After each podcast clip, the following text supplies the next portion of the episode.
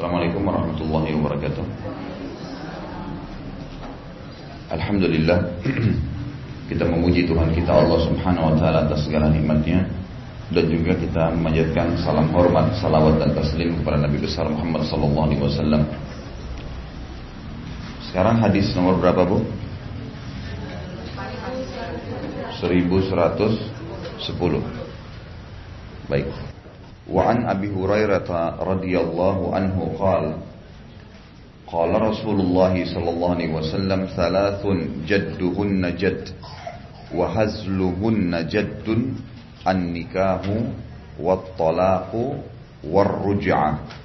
رواه الأربعة إلا النسائي وصححه الحاكم. Dari Abu Hurairah anhu bahwa Rasulullah sallallahu alaihi wasallam bersabda Tiga hal yang bila dikatakan dengan sungguh akan jadi dan bila dikatakan dengan main-main juga akan jadi. Yang pertama nikah, yang kedua tolak, perceraian, dan yang ketiga rujuk. Kembali lagi setelah cerai. Riwayat Imam empat kecuali Nasai. Hadis ini sahih menurut Al-Hakim. Saya bacakan dulu footnote-nya baru kita masuk penjelasan masalah hadis. Ada angka satu di situ kecil, footnote di bawah. At-Turmudi berkata, hadis ini adalah Hasan Qarib. Abu Bakar bin Arabi berkata dalam satu riwayat pada matannya, matan berarti isi hadisnya, terdapat kata wa al-itqu. Hadis ini sama sekali tidak sahih tentang tambahannya al-itqu.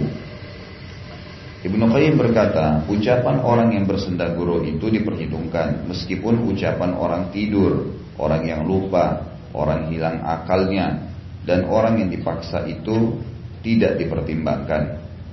Perbedaannya adalah bahwa orang yang bersenda guru itu bersengaja mengucapkan kata-kata, namun tidak bersengaja menyampaikan hakikat isi ucapannya, akan tetapi tidak bisa demikian sebab orang mukallaf wajib bertanggung jawab atas sebab-sebab yang ia lakukan.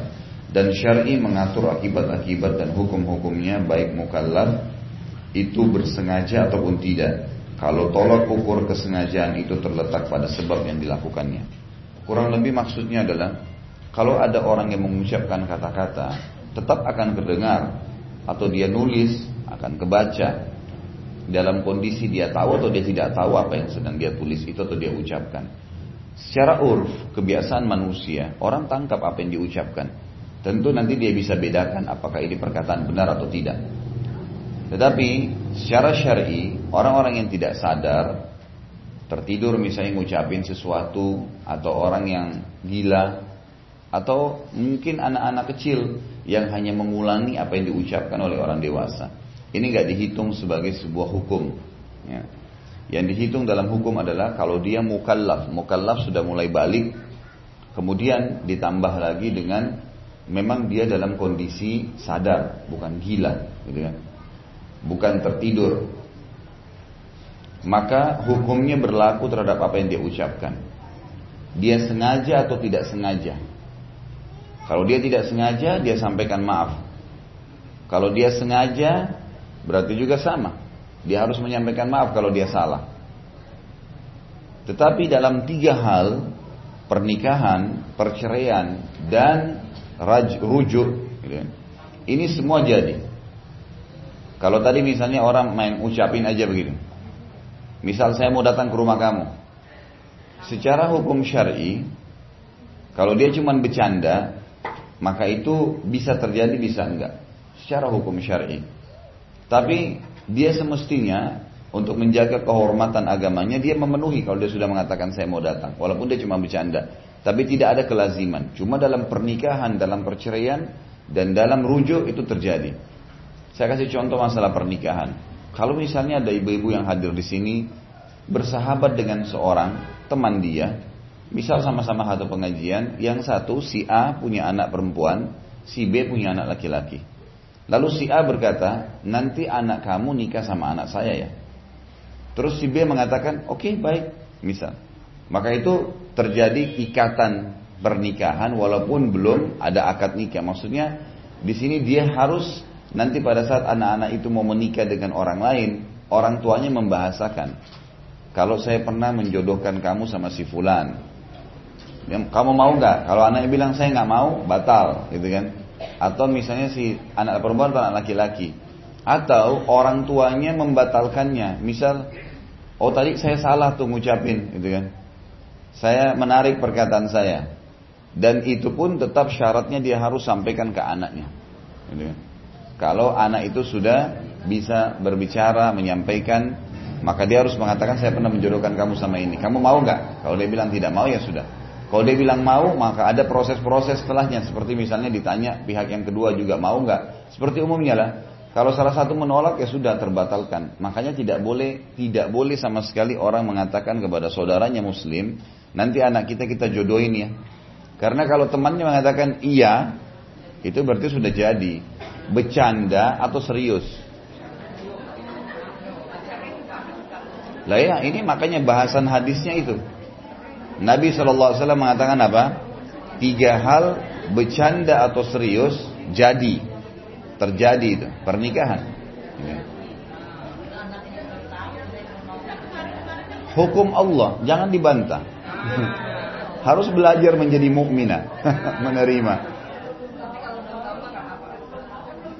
Loh, ini bahasannya tahu atau tidak tahu, sengaja atau tidak sengaja, bercanda atau serius, gitu kan?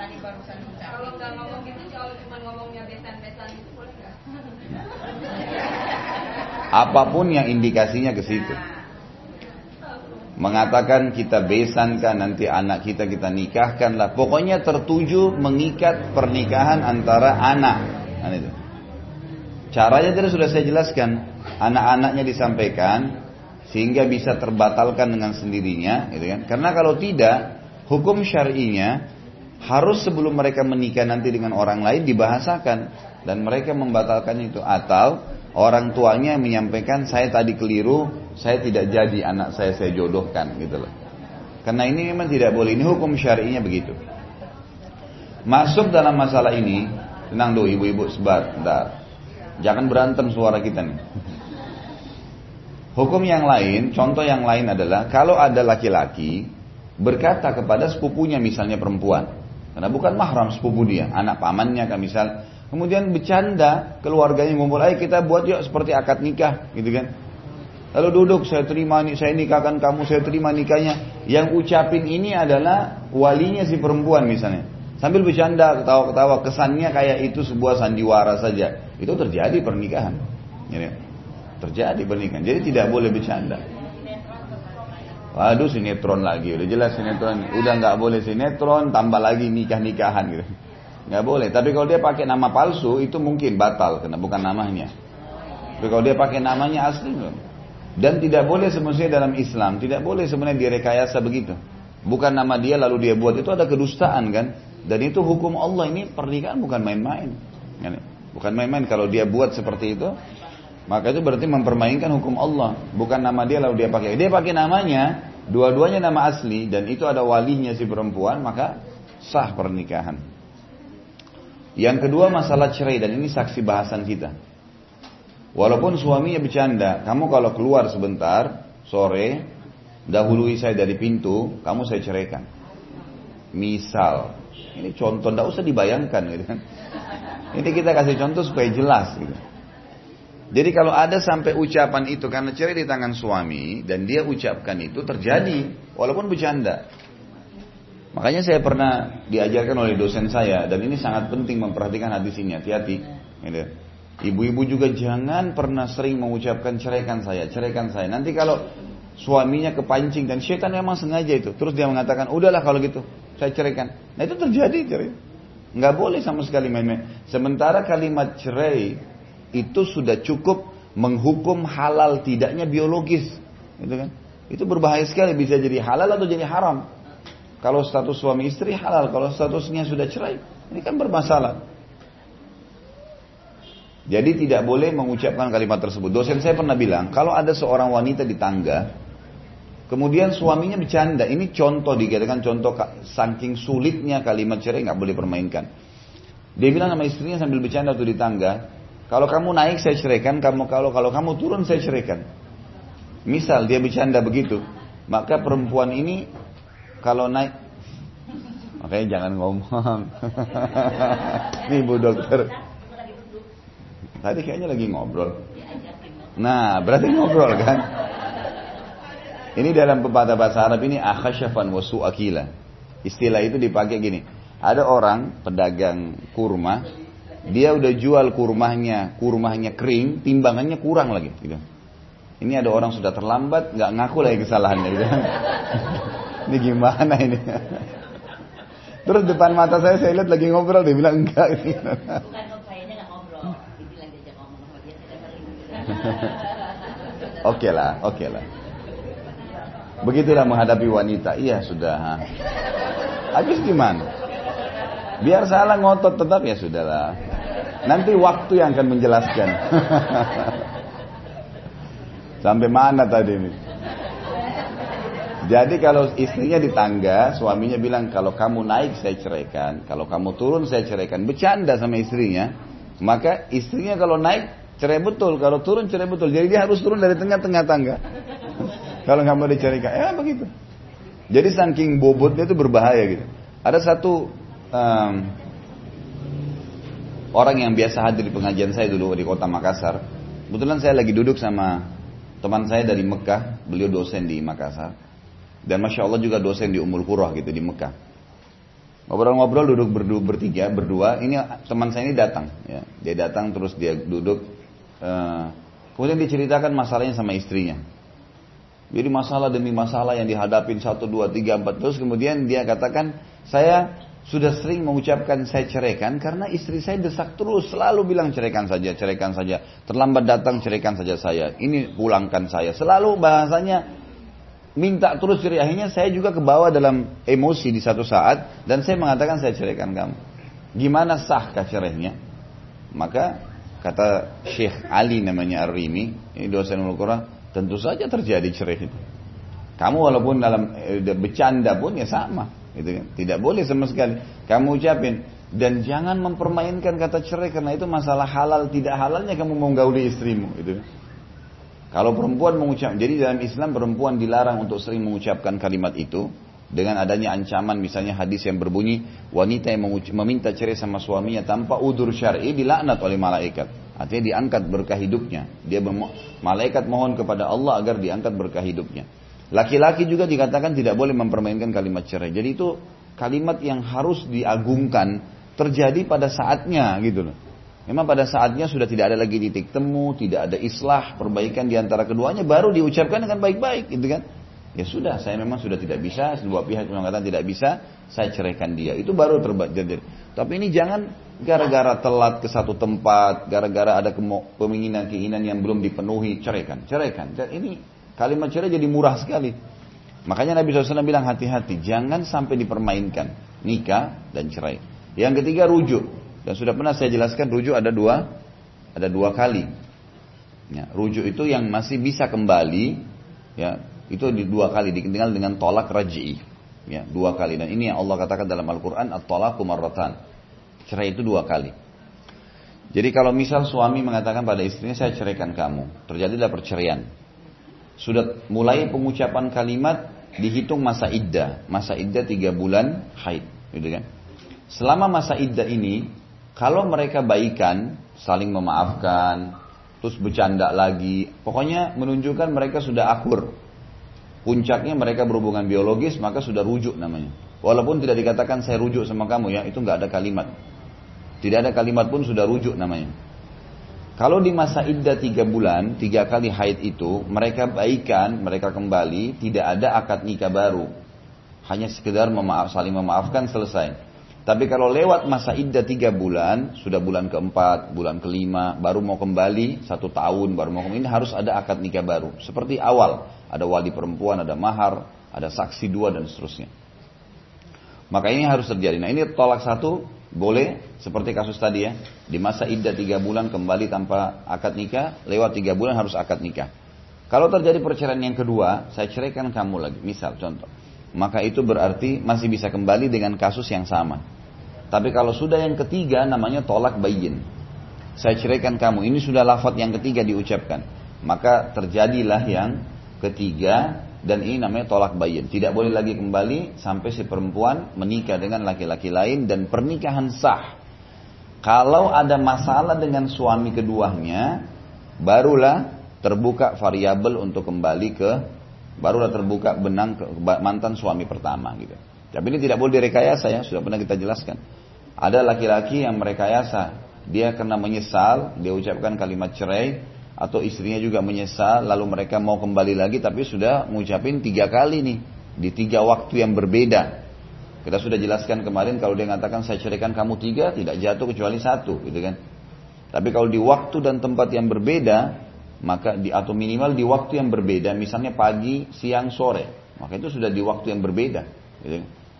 ini berarti terjadi cerai itu Nah kalau si laki-laki tadi si mantan suami ini yang pertama mengatakan kepada temannya, kamu nikahi istri saya ya. Setelah akad nikah kamu ceraikan langsung. Maka ini dua-duanya si laki-laki ini dua-duanya dilaknat. Kata Nabi SAW, la'anallahu al-muhallil wal muhallal lahu. Allah melaknat si mantan suami yang sengaja mengajak temannya menikahi istrinya dan Allah melaknat si laki-laki temannya suaminya yang menikahi istri istri perempuan tersebut rekayasa. Dua-duanya dilaknat, tidak boleh dipermainkan. Dan ini ibu-ibu sekalian yang kita harus garis bawahi di sini, bagaimana Islam mempertahankan rumah tangga. Makanya kita tidak boleh merusaknya itu. Kalau kita menikah, kemudian ada kekurangan-kekurangan dari pasangan, ya itulah manusia. Manusia. Gimana caranya kita mau sempurna? Gak mungkin lah. Dia punya, dia punya ada ada waktunya di mana dia senang, ada waktunya dia sedih, ada waktunya dia punya kemampuan, ada waktunya dia lemah, tidak punya kemampuan, ada. Ada saatnya sehat, ada saatnya sakit. Jadi tidak semuanya. Ada tidak ada manusia luput dari karakter buruk. Ada karakter buruk, gitu kan? Ada pasti hal-hal buruk yang mungkin dia sering lakukan yang butuh waktu untuk perbaikan. Yang penting dalam rumah tangga adalah kita tahu kita sedang menjalankan ya, ibadah kepada Allah SWT, suka dukanya dilalui sama-sama. Yang dan dan harusnya orang yang salah minta maaf dan orang yang benar memaafkan. Udah dikelirkan pada saat itu. Saran saya dalam rumah tangga ibu-ibu sekalian jangan tunda permasalahan menginap. Lagi ada masalah, clearkan pada saat itu. Siapa yang salah minta maaf, siapa yang benar memaafkan. Harusnya begitu itu idealnya. Jadi tidak terbuka pintu syaitan karena makin nginap permasalahan sehari, dua hari, apalagi sebulan, apalagi setahun, udah, makin kendor pasti, udah. Dan itulah senjata syaitan untuk membuat rumah tangga itu rusak.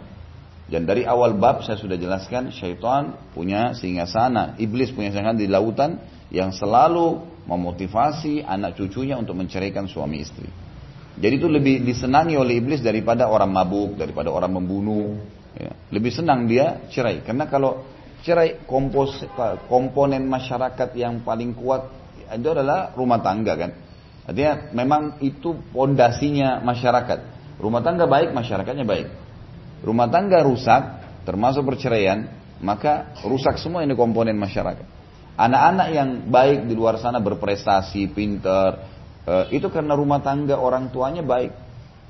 Sehingga mereka bisa saling eh, memenuhi satu sama yang lain suami istri ini mendidik anak-anak menjadi orang akademis kah atau menjadi seorang pedagang kah atau menjadi apalah orang yang sukses di toko masyarakat kah maka itu karena rumah tangga itu baik tapi kalau kapan kita temukan suami istrinya selalu bertengkar ribut pasti berpengaruh kepada anak-anak, pasti berpengaruh kepada anggota masyarakat nantinya. Jadi kita lihat orang-orang yang nakal, jadi preman, suka mabuk, suka bunuh orang. Ternyata itu dalam rumahnya memang sudah begitu. Memang dari rumah orang tuanya, rumah tangga orang tuanya sudah begitu. Baik, itulah yang dimaksud dalam hadis tadi. Tidak boleh main-main di nikah, dicerai, dan juga dirujuk itu sendiri. Kemudian 1111 wa fi riwayatin Ibn Adi min wajhin akhar dhaif at-talaqu wal itaqu wan nikah. Menurut hadis yang lemah dhaif riwayat Ibnu Adi dari jalan lain yaitu tolak memerdekakan budak dan nikah. Artinya ada tambahan lafaz memerdekakan budak. Jadi kalau seorang muslim punya budak lalu dia katakan dia bercanda, kamu kalau bangunin saya pagi, saya merdekakan kamu.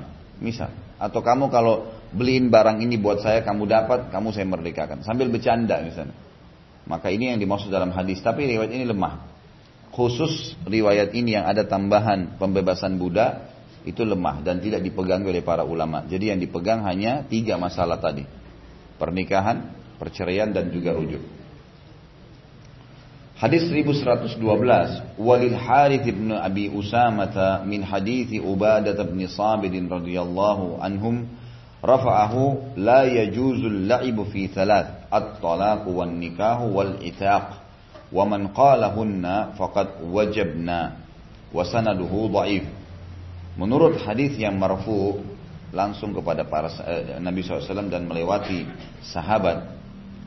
Riwayat Harith ibnu Abi Usama dari hadis Ubadah bin Samit radhiyallahu anhu tidak dibolehkan main-main dengan tiga hal, tolak, nikah, dan memerdekakan budak. Barang siapa yang mengucapkannya maka jadilah hal-hal itu. Sanatnya lemah.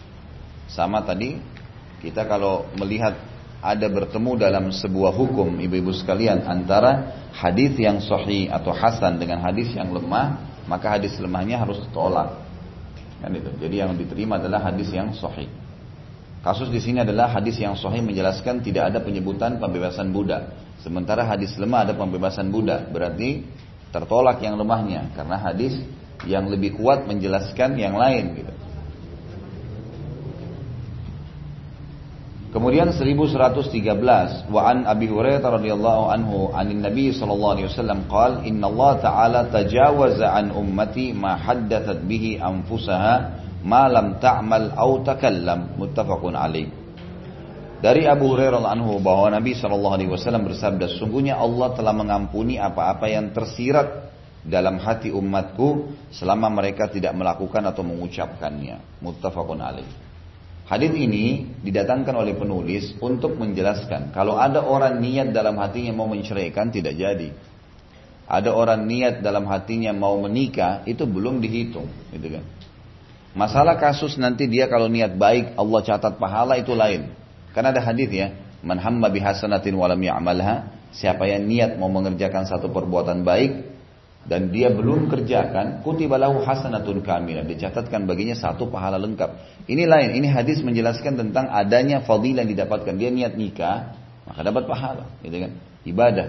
Atau dia niat memang menceraikan dalam hatinya karena memang pasangannya, mungkin istrinya ini nusyud atau memang e, melanggar hukum-hukum agama yang memang sudah diingatkan, tapi dia baru niat dalam hati. Masuk dalam perbuatan agama yang dia ingin kerjakan. Itu dapat pahala kalau dia niatkan benar gitu kan. Tapi selama dia belum ucapkan, maka tidak dihitung. Ada orang niat mau membunuh. Udah, dia tidak tidak dihukum dengan niatnya itu. Harus dia lakukan dulu baru ada hukuman, gitu kan. Kalau dia baru niat itu tidak ada masalah dalam Islam, tetapi memang kalau dalam hadis tadi ya yang saya sebutkan, kalau siapa pun niat melakukan perbuatan baik, Lalu dia tidak sempat melakukan dicatatkan baginya satu pahala lengkap. Kalau dia lakukan yang dia niatkan, perbuatan baik, mau tidur malam, niat bangun sholat malam, lalu bangun, dicatatkan baginya 10 kali lipat, bahkan sampai 700 kali lipat. Makanya ulama salaf dari sahabat dan tabiin selalu mengatakan, saya berharap untuk punya niat di semua ibadah, walaupun saya tidak sempat lakukan, karena sudah dapat satu pahala lengkapnya. Gitu kan. Kemudian dibalik kata Nabi SAW, siapa yang niat mau mengerjakan perbuatan buruk, dia baru niatkan dan dia batalkan maka dicatatkan baginya satu pahala. Kalau dia lakukan, nah ini diaplikasikan nama dia, sudah mulai dipraktekin, maka dicatatkan baginya satu dosa. Ya. Berarti di sini kalau dia niat dalam hati buruk, nggak dicatat dosa. Tapi kalau dia batalin dikasih pahala malah, gitu kan? Ada orang niat mau melakukan satu perbuatan buruk, mau kumpul sama teman-temannya, mau gunjing, mau gibah, mau fitnah, atau mau melakukan misalnya konspirasi untuk mencuri lah atau apa saja. Maka ini ya kalau dia lakukan kalau dia lakukan kalau dia tidak lakukan dia baru niat maka orang ini otomatis tidak dicatatkan baginya dosa. Yang dicatatkan dosa itu kalau dia sudah melakukannya. Dan ini sebuah karunia dari Allah buat kita umat Muhammad SAW karena tidak dihitung apa pun yang diniatkan dalam hati. Dan bahkan sebaliknya kalau terlintas, ibu-ibu usahakan batalkan. Terlintas apalah mau minta cerai sama suami. Sudah terlintas dalam hati. Lalu tidak diucapkan berarti tidak terjadi. Tidak ada dosanya di situ kan. Batalin. Enggak, saya enggak mau karena ini Allah benci cerai itu. Dibatalin, dapat pahala malah. dapat pahala. Tapi jangan dijadikan bahan permainan juga ya. Jangan bilang saya selalu niat aja buruk nanti saya batalin. Ini nggak boleh juga gitu.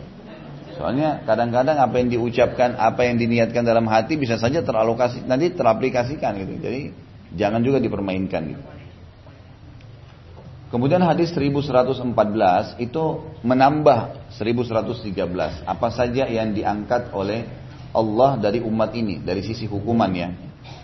Wa Ibnu Abbas radhiyallahu taala anhuma anin Nabi sallallahu alaihi wasallam qala inna Allah taala wada'a an ummatil khata'a wan nisyan alaihi rawahu Ibnu Majah wal Hakim wa qala Abu Hatim la yathbut Dilihat putnot nomor satu dulu. An-Nawawi menyatakan dalam kitab Ar-Rawdah dalam komentarnya terhadap bab tolak, bab hadis ini Hasan. Ibnu Abi Hatim berkata, saya bertanya kepada bapakku tentang hadis ini, maka ia sangat mengingkarinya sambil mengatakan bahwa hadis ini tidak diriwayatkan kecuali dari Al-Hasan dari Nabi SAW secara mursal. Saya bacakan hadisnya, eh, terjemahan dari Ibnu Abbas radhiyallahu anhu bahwa Nabi SAW bersabda, Sesungguhnya Allah mengampuni dari umatku kesalahan, ya. kemudian kelalaian sebenarnya atau ini lupa, nisyan itu lupa. Di sini diterjemahkan kealpaan apa-apa dan apa-apa yang mereka dipaksa melakukannya. Riwayat Ibnu Majah dan Hakim. An Nawawi menyebutkan bahwasanya hadis ini hasan, artinya ada di antara ulama yang menghasankannya. Sebagian ulama memegangi juga hadis ini karena ada yang menghasankannya dengan mengatakan bahwasanya hadis ini pelengkap menjelaskan dan memang secara realita betul seperti itu. Yang salah kan itu. Kalau ada orang keliru tidak sengaja, gitu ya. Tidak sengaja. Maka dia tidak dihitung ya e, melakukannya. Kalau misal ini contoh saja, contoh. nggak usah dibayangkan. Kalau ada orang tidur di satu tempat. Mungkin karena pengungsian misalnya. Kejadian pengungsi banyak. Bertumpuk-tumpuk kena banjir. Orang semua ditumpukin di satu tempat. Udah nggak ada tempat untuk tidur. Karena capeknya tertidur. Ada laki-laki dan perempuan bukan suami istri tidur bersebelahan. Lalu dalam kondisi mereka tidur, maka si laki-laki ini tidak sadar, dia tidak tidak sadar kalau dia dalam pengungsian, lalu dia menggauli si perempuan tadi. Sabar. Saya sudah bilang jangan dibayangkan. Jangan dibayangkan. Nggak usah digauli deh. Dia sentuh. Nah. Loh iya, dia sentuh misalnya. Ya Allah. Jangan dibayangkan. Kalau ada orang tidur, kemudian dia balik, dia mencium orang di sebelahnya, bukan istrinya, bukan suaminya. Itu kan kalau dalam kondisi sadar haram gitu kan nggak boleh. Sekarang kalau orang lakukan itu dia tidak sadar, baru dia tahu, maka itu termasuk khata, itu kesalahan, kekeliruan. Dia tidak akan lakukan kalau dalam kondisi dia sadar gitu. Ini saya berikan contoh. Saya akan bilang dua-duanya, saya akan bilang dua-duanya tidur. Dua-duanya nggak sadar. Orang, saya sudah kasih contoh yang paling parah di pengungsian. Kalau kalau Ibu Dina bukan di pengungsian ini, nah ini baru aneh. Loh orang tidur dalam kondisi capek, orang tidak tahu dia lagi tidur, dia kesentuh orang di sebelahnya. Menyentuh pada saat sadar kan tidak boleh yang bukan marah. Baik, dia kesentuh pada saat tidur. Ya udah, terserah contohnya mau apa. Yang jelas faham maksudnya khata itu adalah kekeliruan gitu kan. Kekeliruan. Kemudian nisian itu lupa. Sama orang kalau lupa sholat misalnya, dia lakukan kapan dia ingat, gitu kan? Udah saya contohnya nggak usah masalah rumah tangga deh, walaupun bab cerai. Suka disalahpahamin, bab sholat aja. Dan apa pun yang dipaksa, memang ada istilah dipaksa. Misal ada orang dipaksa murtad. Kasus tentang masalah Ammar ibn Yasir radhiyallahu anhu pada saat ayahnya Yasir dan ibunya Sumayyah dibunuh oleh Abu Jahal. Kemudian Ammar itu umurnya di bawah 10 tahun, 9 tahun. Dan dia disiksa oleh Abu Jahal, dipukulin, digebukin, sampai kesakitan. Kata Abu Jahal, saya tidak mau bunuh kamu langsung.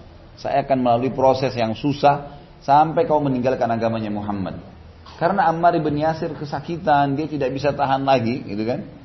Maka dia akhirnya kata Abu kata Abu Jahal, saya tidak akan lepaskan kamu sampai kamu mengatakan saya bukan uh, uh, saya bukan di agama Muhammad. Maka Ammar pun mengucapkan, tapi hatinya nggak seperti itu. Hatinya nggak seperti itu. Lalu kemudian Abu Jahal lebih jauh dari itu, lewat seekor unta di depan Ammar dia bilang, saya tidak lepaskan kau Ammar sampai kau bilang unta ini Tuhanku. Maka Ammar pun mengatakan unta ini Tuhanku. Udah. Tapi hatinya nggak begitu dia. Dipaksa dia akan dibunuh kan gitu. Maka akhirnya pergilah Abu Jahal dilepasin dia. Tapi ayah ibunya sudah mati, berdarah-darah di situ. Sumayyah itu waktu ditusuk lagi hamil, gitu kan? Oleh Abu Jahal luar biasa jahatnya. Maka yang terjadi pada saat itu adalah Ammar langsung pergi ke Nabi SAW dan menceritakan. Kata Nabi SAW, kalau besok kau ditangkap lagi oleh Abu Jahal dan dipaksa ucapkan lagi yang sama. Karena Allah turunkan ayat Al-Quran mengingatkan pada saat itu, kalau memang Ammar ini hatinya nggak begitu. Turun ayat mengingatkan masalah itu jadi bukan illa man ukriha wa qalbu mutmainnun bil iman. Kecuali orang yang dipaksa sementara hatinya memang penuh dengan keimanan gitu ya. Penuh dengan keimanan. Seperti itulah. Jadi ini yang memang makna-makna daripada isi hadis ini ada dalam hukum-hukum syar'i kita. Gitu kan? Orang yang salah, orang yang lupa, gitu kan? Dan juga orang yang dipaksakan. Selanjutnya hadis 1115 Wan Ibnu Abbas radhiyallahu anhu maqal idza harrama imra'atahu laisa bi syai' wa qala laqad kana lakum fi rasulillahi uswatun hasanah rawahu al-Bukhari Ibnu Abbas berkata apabila seseorang mengharamkan istrinya maka hal itu tidak apa-apa. Dia berkata sesungguhnya telah ada pada diri Rasulullah SAW suri toladan yang baik untukmu riwayat Imam Bukhari kita bacakan dulu footnote nomor 2, dilihat ya di bawah. Allah Subhanahu wa taala berfirman dalam surah Tahrim, surah nomor 66 ayat 1. A'udzu billahi minasyaitonir rajim. Ya ayyuhan nabiyyu lima tuharrimu ma ahallallahu maradati azwajika wallahu ghafurur rahim. Hai Nabi, mengapa kau mengharamkan apa yang Allah halalkan? Allah halalkan bagimu. Kamu mencari hanya untuk mencari kesenangan hati istri-istrimu dan Allah Maha Pengampun lagi Maha Penyayang. Kisahnya adalah bahwa Rasulullah SAW pernah mengharamkan hamba beliau Maria atas dirinya karena suatu ketika beliau melakukan sesuatu dengannya di rumah Hafsah pada saat gilirannya dan hal itu diketahui oleh Hafsah. Lalu ia memarahi beliau, maksudnya marah kepada beliau maka beliau mengharamkannya dan meminta kepada Hafsah agar tidak menceritakan itu kepada siapa pun. Maka Hafsah menceritakan kepada Aisyah dan riwayat lain bahwa beliau mengharamkan madu atas dirinya. Karena sebagian istri beliau menyuguhkannya sehingga Aisyah dan lainnya sepakat untuk membuat beliau membenci terhadapnya. Tapi yang yang benar adalah riwayat ini tersebutkan karena masalah madu yang uh, diharamkan oleh Nabi Shallallahu Alaihi Wasallam.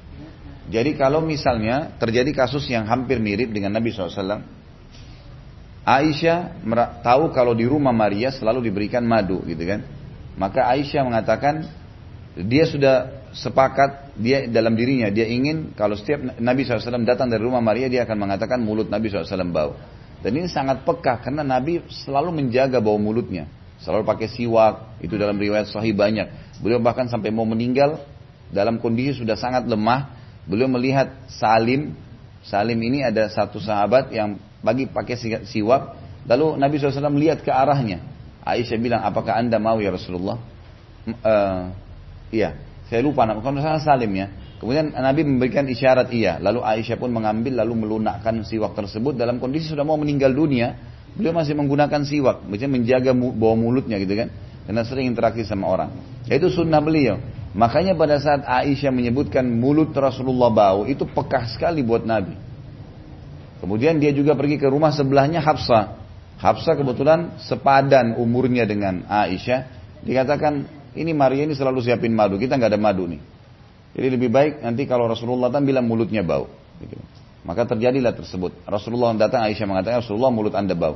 Kata Nabi SAW saya tidak makan kecuali madu Lalu kemudian rumah sebelah Hafsah juga mengatakan yang sama. Lalu Nabi SAW kepikir kota Madinah dalam keadaan sedih sahabat. Kemudian berkata ada apa ya Rasulullah? Kata Nabi SAW hari ini saya haramkan madu. Jadi di sini maksudnya adalah mengharamkan apa yang telah Allah halalkan. Itu tidak berlaku. Tidak berlaku. Tidak berarti hukum madu jadi berubah jadi haram padahal halal. Walaupun Nabi SAW yang ucapin karena Allah telah menghalalkan. Bahkan Nabi ditegur di sini kan gitu. Ya, ini sama terjadi dalam rumah tangga muslim umumnya. Gitu. Jadi kalau dia bilang kalau kau misalnya ya e, melanggar perintah saya, maka saya haramkan kamu makan ayam di rumah saya. Ayam dasarnya halal, kan gitu. Jadi ini contohnya tidak berlaku itu tidak terjadi. Itu yang dimaksud dalam hadis, gitu kan. Seperti itu menangkapnya. Kemudian hadis 1116, wali muslimin Ibnu Abbasin idza harrama ar-rajulu imra'atahu fa huwa yamin yukaffiraha. Menurut riwayat Imam Muslim, ini yang lebih menguatkan lagi dan lebih baik dari Ibnu Abbas radhiyallahu anhu apabila seseorang mengharamkan istrinya dari apa saja yang tadinya halal, gitu kan, maka itu berarti sumpah yang harus dibayar dengan kafarah. Dihitung sumpah, walaupun dia tidak menggunakan nama Allah. Kan biasanya kalau orang bilang wallahi misalnya, ternyata yang dia ucapkan itu dia salah, keliru, sengaja atau tidak sengaja. Selain taubat kepada Allah ada kafarah denda kan, bebasin budak, kemudian e, berpuasa tiga hari berturut-turut atau Eh, apa namanya memberikan makan 10 orang miskin. Maka dia membayar itu sebagai denda kenapa dia mengucapkannya. Gitu. Kenapa dia mengucapkannya. Termasuk di dalamnya sebagian ulama memberikan contoh kalau masalah biologis. Dia bilang sekarang saya haramkan diri saya untuk bergaul dengan kamu. Ini nggak berlaku karena biologis suami istri halal dalam Islam. Gitu kan? Halal dalam Islam. Jadi ini jelas tidak berlaku kalau diucapkan apa-apa yang terharam diharamkan oleh suami sementara Allah SWT menghalalkannya. Kemudian nomor 1117 wa an Aisyah radhiyallahu taala anha anna ibnatal jawni lamma udkhilat ala Rasulillah SAW wa dana minha qalat a'udzu billahi minka. Faqala laqad uzti bi'azim alhiki bi ahliki. Rawahu al-Bukhari ini termasuk perceraian Nabi SAW yang terjadi ya. Jadi pernah ada wanita yang Nabi ceraikan, menikah tapi tidak sempat disentuh. Dari Aisyah radhiyallahu anha bahwa takala putri Al-Jaun dimasukkan ke kamar pengantin Rasulullah SAW dan beliau mendekatinya. Tiba-tiba perempuan itu berkata, aku berlindung kepada Allah darimu. A'udhu billahi minka. Jadi seakan-akan Rasulullah itu orang tidak baik gitu. Maka beliau bersabda, engkau telah berlindung kepada zat yang maha agung Kau sudah menggunakan nama Allah agung. A'udhu billah, gitu kan? Maka kembalilah kepada keluargamu. Riwayat Imam Bukhari. Artinya, di sini kamu diceraikan. Karena kamu sendiri yang meminta itu. Tidak mungkin orang menikah baru tidak disentuh kan gitu. Untuk nomor satu, telah dijelaskan bahwa nama perempuan itu adalah Umarah. Al-Hafidh menilai sahih dalam Fathul Bari jilid 9 halaman 285 bahwa namanya adalah Aminah binti Nu'man bin Shuraihil bin Shurah bin Shurah bin Shurahil ya. Al-Kindiyah dan ini adalah seorang wanita tercantik di waktu itu. Maka dikatakan kepadanya sungguhnya apabila kamu telah memohon perlindungan dari beliau ketika beliau memasukimu maka kamu akan dihargai di sisi beliau. Maka ia pun melakukannya. Ketika sampai kepada Nabi SAW apa yang ditipukan kepadanya maka beliau berkata sungguhnya mereka wanita-wanita yang yang menipunya itu adalah seperti wanita dalam kisah Yusuf. Aisyah berkata sungguhnya wanita itu celaka. Jadi dalam penjelasan ini diberikan gambaran bahwasanya wanita yang tadi mengatakan a'udzu billahi minka itu sebenarnya bukan niat itu. Dia bukan niat itu gitu kan. Dia hanya sekedar mendengarkan dari beberapa temannya yang kalau kita sekarang seperti suka ngerjain orang. Di Indonesia kan sering terjadi itu. Nanti kalau kamu menikah, nanti kalau kamu pertama ketemu, nanti kalau kamu begini, kamu ucapkan ini, kamu katakan ini gitu kan. Padahal sebenarnya perbuatan itu sudah ditahu oleh sebagian orang tidak disuka oleh pasangannya, oleh suaminya misalnya atau oleh istrinya gitu kan. Maka dia lakukan justru dia tertipu gitu kan. Tapi dia sudah ucapkan. Dan si suami tidak tahu kalau dia ucapkan itu dalam kondisi tidak tahu. Tapi karena menggunakan nama Allah yang agung, A'udzubillah itu kan itu berat itu ya. Itu berat sekali kalau dia katakan A'udzubillah dari kamu ini. Nah, itu kalimat dalam agama kita bobotnya berat sekali. Jadi memang kamu diburuk sekali sampai saya menjauhkan diri atas nama Allah. Akhirnya Nabi SAW menceraikannya. Dan ketahuan setelah itu ternyata perempuan yang dinikahi Nabi SAW ini diajari oleh teman-temannya, gitu kan? Kalau kalau ketemu Nabi SAW nanti kalau Nabi masuk untuk menemui di malam pertamamu, maka bilang kalimat itu, A'udzubillahi minka. Pasti Nabi akan sayang kamu. Malah seperti itu dibahasakan. Jadi dia ucapin sebenarnya harapannya Nabi menyayanginya. Tapi dia ucapkan dan Nabi tidak tahu awalnya sebabnya. Tapi karena menggunakan nama Allah akhirnya terjadi perceraian. Nabi SAW akhirnya setelah itu menjelaskan kalau wanita-wanita yang telah mengajari ya, eh, apa namanya yang telah mengajari perempuan ini untuk mengucapkan itu seperti teman-temannya perempuan yang telah menggoda Yusuf gitu kan. Jadi dulu raja ratu Mesir kan menginginkan Yusuf alaihissalam gitu kan. Maka pada saat pun ya pada saat pun orang-orang tersebar berita ini apa nih istrinya ratu kita ini ngapain nih? Masa mau minta berzina dengan anaknya sendiri gitu kan? Mereka belum pernah lihat Yusuf alaihissalam. Makanya diundanglah oleh ratu ini untuk membuktikan saya tergoda ini bukan main-main. Saya seorang ratu tapi memang orang ini punya kelebihan. Lalu dikasihlah apel dan pisau yang tajam, kemudian Yusuf disuruh keluar. Pada saat Yusuf lewat, perempuan-perempuan ini sampai pada tingkat tidak sadar kalau memotong tangan mereka sendiri. Jadi bukan motong apel. Jadi ini susah memang dibayangkan seperti apa Yusuf alaihissalam gitu kan. Jadi memang bukan ini bukan sekedar pulpen atau salah ngelihat, memang dia sampai mereka sampai motong tangannya. Nah ternyata perempuan-perempuan yang sedang memotong tangan mereka ini mengatakan ini malaikat gitu kan. Ini luar biasa malaikat. Ada sebagian di antara mereka berkata, kalau kamu berhasil tidur sama dia berarti kamu hebat. Jadi kesannya memotivasi si ratu untuk berzina, gitu kan? Seperti itulah. Nah ini Nabi SAW memberikan gambaran perumpamaan teman-temannya si wanita tadi Aminah ini adalah seperti teman-temannya wanita yang ajak mengajak Yusuf alaihissalam berzina. Tapi intinya di sini adalah terjadi perceraian setelah si suami mengucapkannya karena Nabi SAW mengatakan pulanglah ke keluargamu, gitu kan, kembalilah dengan maksud kalimat ini cerai. Dari hadis ini juga diambil pelajaran walaupun bukan lafaz pasti ya, bukan dia bilang saya ceraikan kamu, tapi kalimat yang sudah jelas indikasinya ke cerai. Diikuti dengan niat. Misal, pulang aja ke rumahmu jangan pernah kembali lagi. Sudah niat cerai. Misal, itu sudah terjadi perceraian. Karena Nabi SAW mengucapkan kalimat yang begitu. Kalau begitu baiklah, pulang ke keluargamu, gitu kan. Maka sudah dihitung terjadi perceraian. 1118 wa an Jabir bin wa an Jabir radhiyallahu anhu qala qala Rasulullah SAW la talaka illa ba'da nikah wa la itqa illa ba'da milk rawahu Abu Ya'la wa sahih al-Hakim wa huwa ma'lul dari Jabir radhiyallahu anhu bahwa Rasulullah SAW bersabda tidak ada talak kecuali setelah akad nikah dan tidak ada pemmerdekaan budak kecuali setelah dimiliki riwayat Abu Ya'la dan dinilai sahih oleh Hakim Hadis ini maklul, maklul maksudnya berarti butuh penjelasan. Poin nomor satu, Al-Hakim berkata, saya heran terhadap Syekhan, mengapa mereka tidak meriwayatkannya. Syekhan maksudnya Bukhari Muslim ya. Karena kalau Bukhari Muslim meriwayatkan berarti pasti sahih gitu ya. Kenapa hadis ini tidak diriwayatkan oleh mereka berdua padahal hadis ini masyhur gitu kan. Sesungguhnya hadis ini sahih menurut syarat mereka dari Aisyah, Jabir ibnu Umar, ibnu Abbas dan Muad Ibnu Ibnu Ma'in berkata, sampai Mu'ad titik ya, itu sahabat Nabi. Ibnu Ma'in ini nama orang lain penilai hadis. Ibnu Ma'in berkata hadis ini tidak sahih dari Nabi SAW. Ibnu Abdul Bar berkata hadis ini diriwayatkan dari banyak jalur.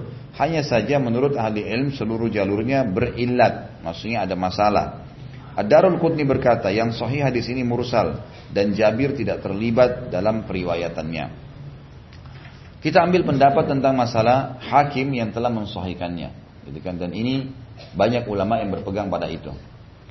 Jadi Nabi SAW berkata, tidak ada tolak kecuali setelah akad nikah. Tentu tidak ada terjadi kalau orang lewat seorang wanita bukan siapa-siapa dia, bukan istrinya, kamu saya ceraikan. Nggak ada urusan. Nggak ada akad nikah. Tidak berlaku kalimat itu.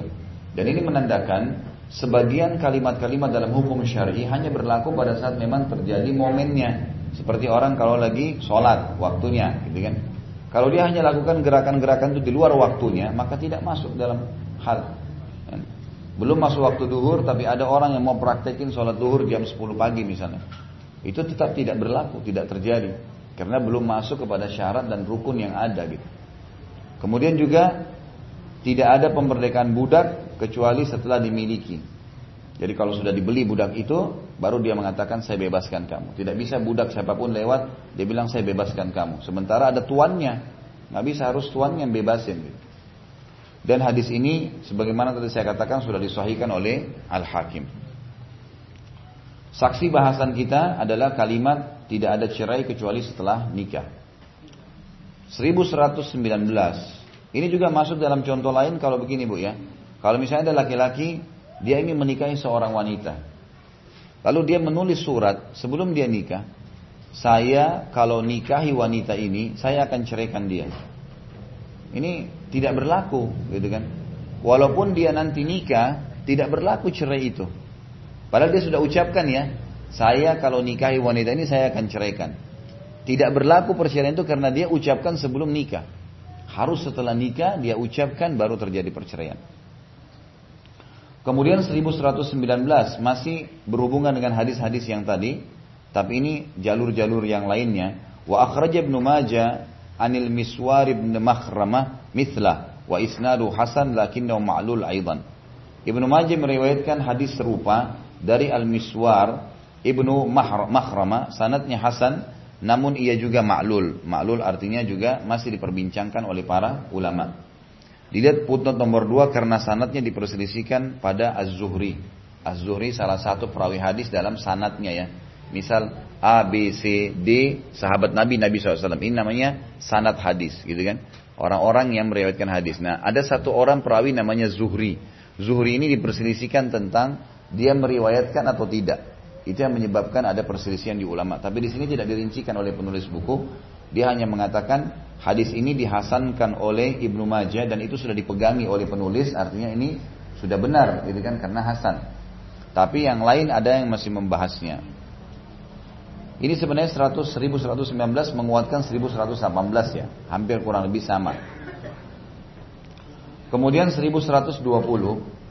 Dan ini dua hadis terakhir ya. Baru masuk ke bab rujuk ya. Ar-Raja.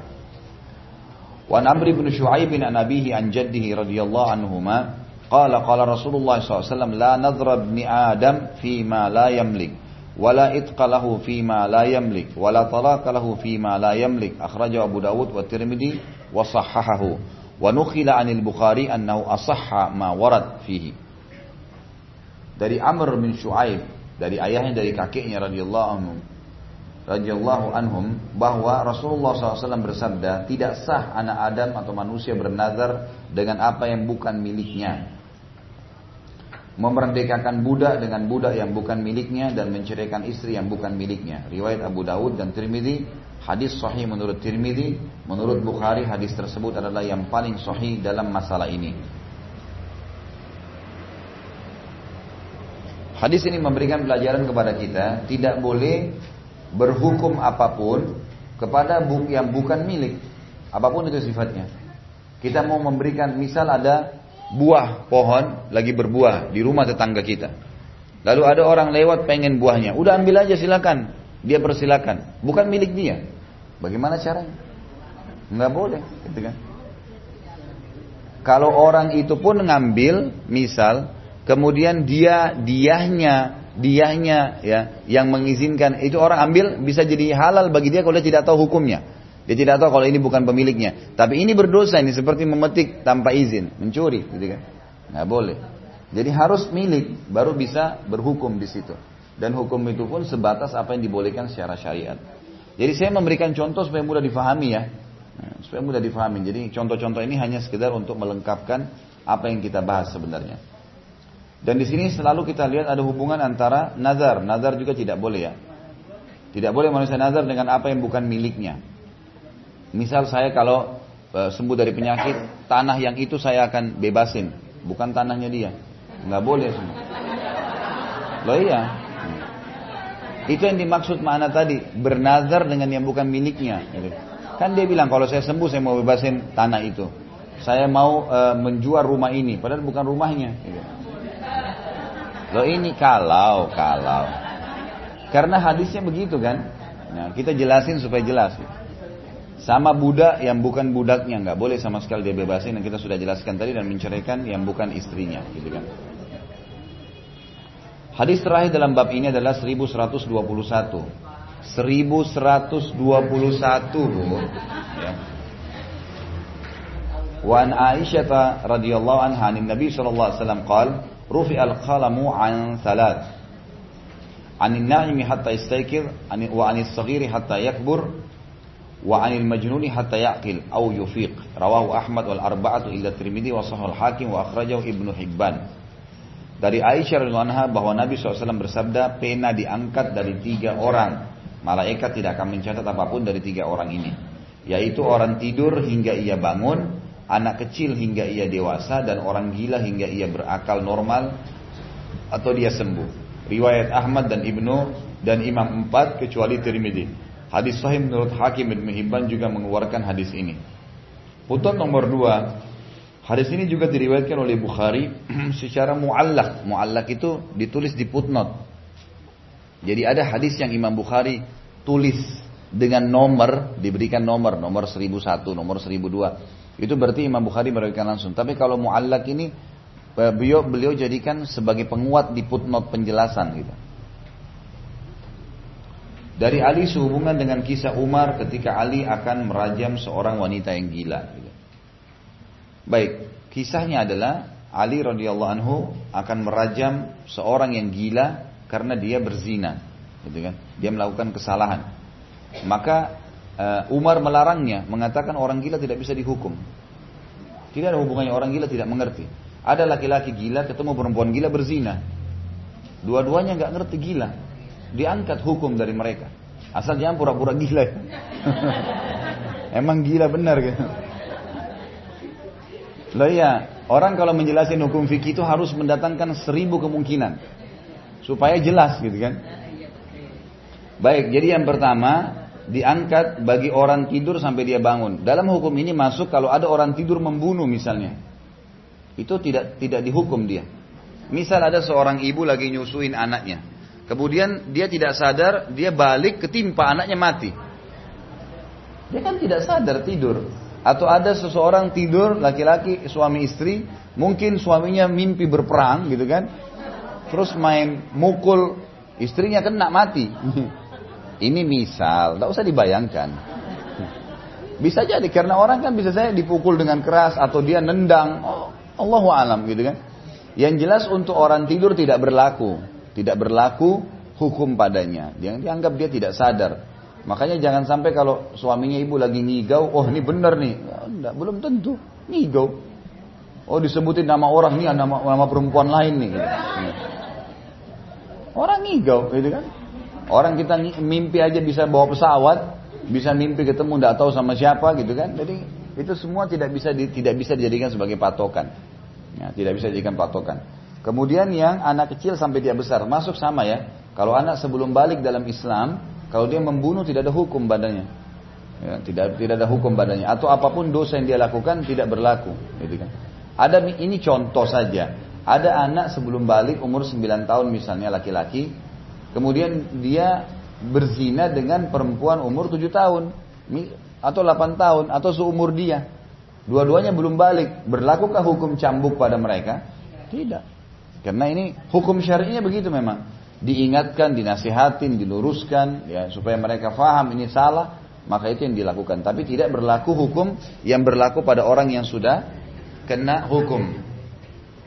Dan orang gila sampai dia ya sadar. Jadi di sini masuk di dalamnya orang gila seperti misalnya maaf kalau dia buka pakaian di jalan, dia ngomong uh, apa, mencaci maki orang, merusak barangnya orang lain dengan melempar misalnya, maka semua itu tidak berlaku. Tidak berlaku karena dia orang gila. Allah alam. Silakan ada yang punya pertanyaan masalah cerai-cerai ini?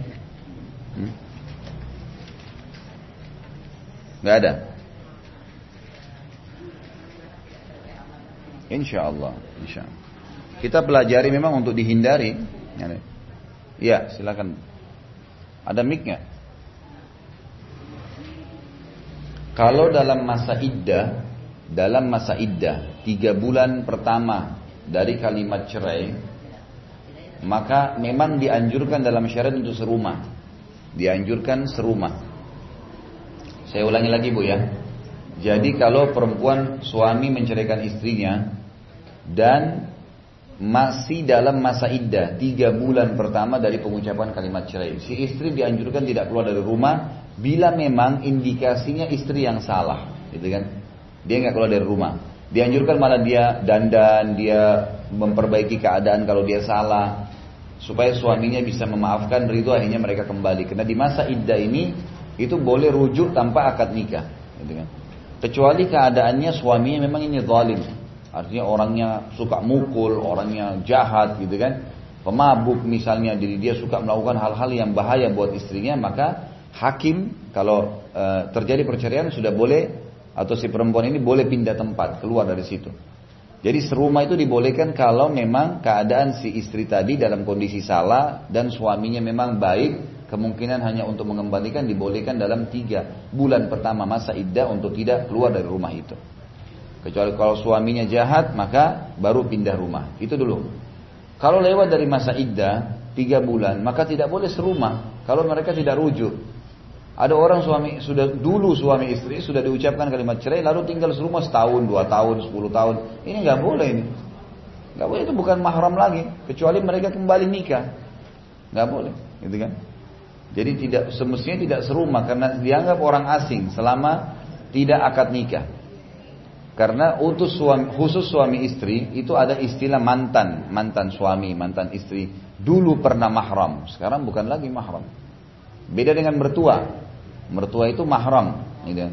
Walaupun cerai sama anaknya. Saya nggak dengar bu, coba kenapa? Iya, masalahnya yang tadi dibilang Ustaz itu sudah belum KDRT tapi sudah tidak sudah tapi tetap satu rumah. Iya, nggak secara syari nggak boleh. Hukum agama kita tidak membolehkan. Mereka kalau mau serumah, interaksi, maka mereka harus menikah. Kalau tidak berarti seperti orang asing.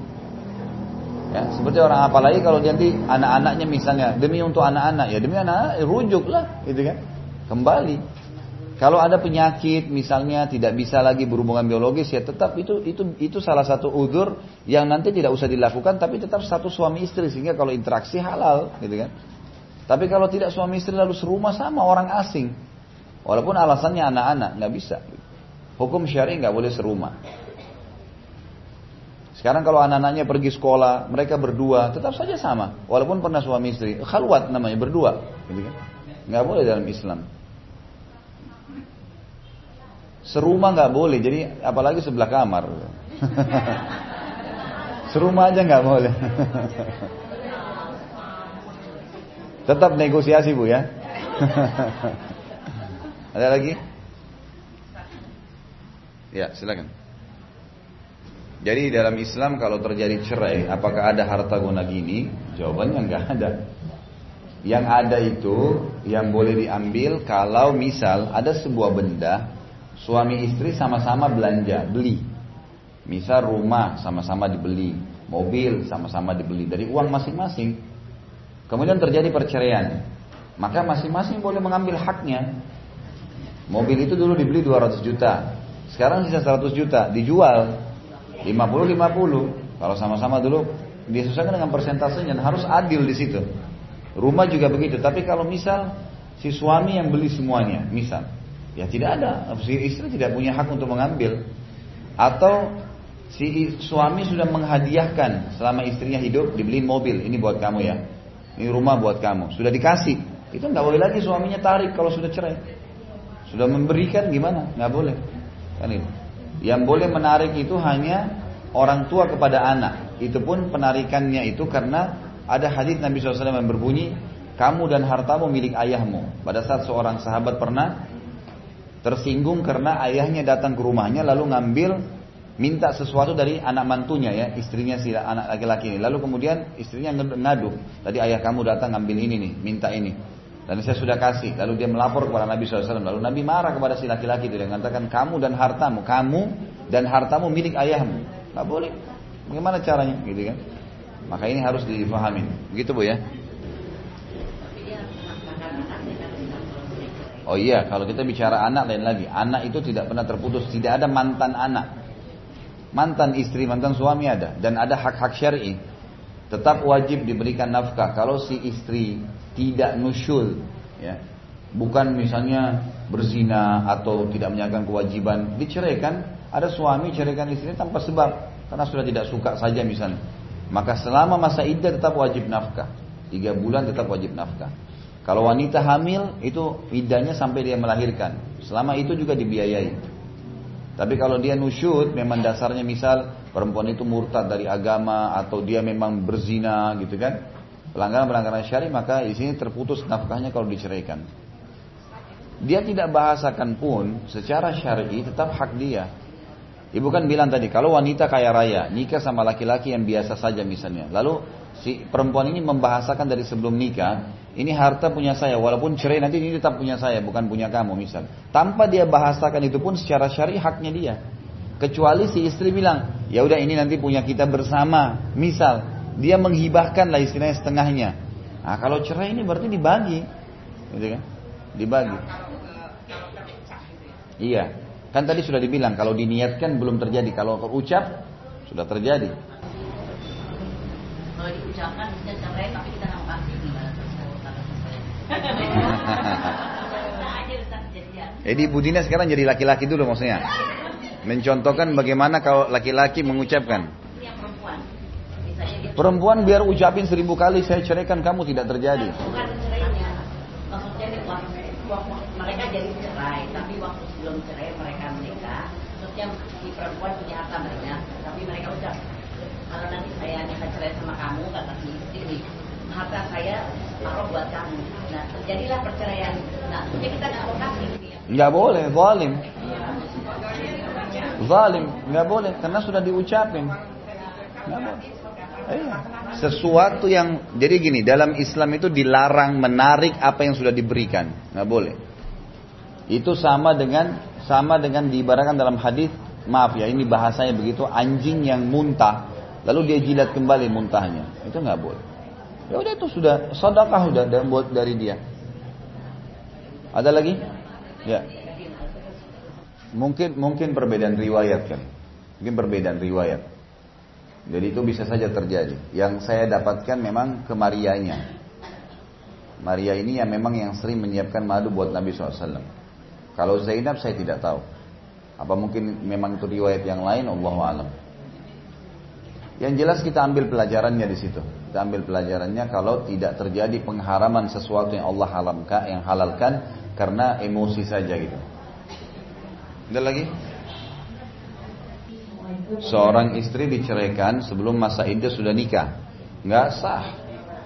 Masa iddah itu masih hak suaminya. Masa iddah itu adalah mas, masih dalam masa hak suami.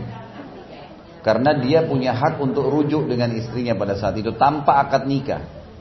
Jadi tidak sah pernikahan itu, tidak boleh. Iya, iya, masih hak suami dalam masa iddah, tidak boleh.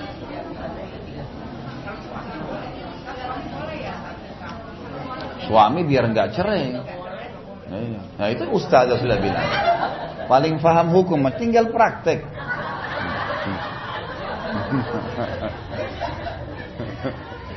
Sudah? Kita lanjut dulu ya. Ada pertanyaan nggak? Silakan. Tetap jatuh bu.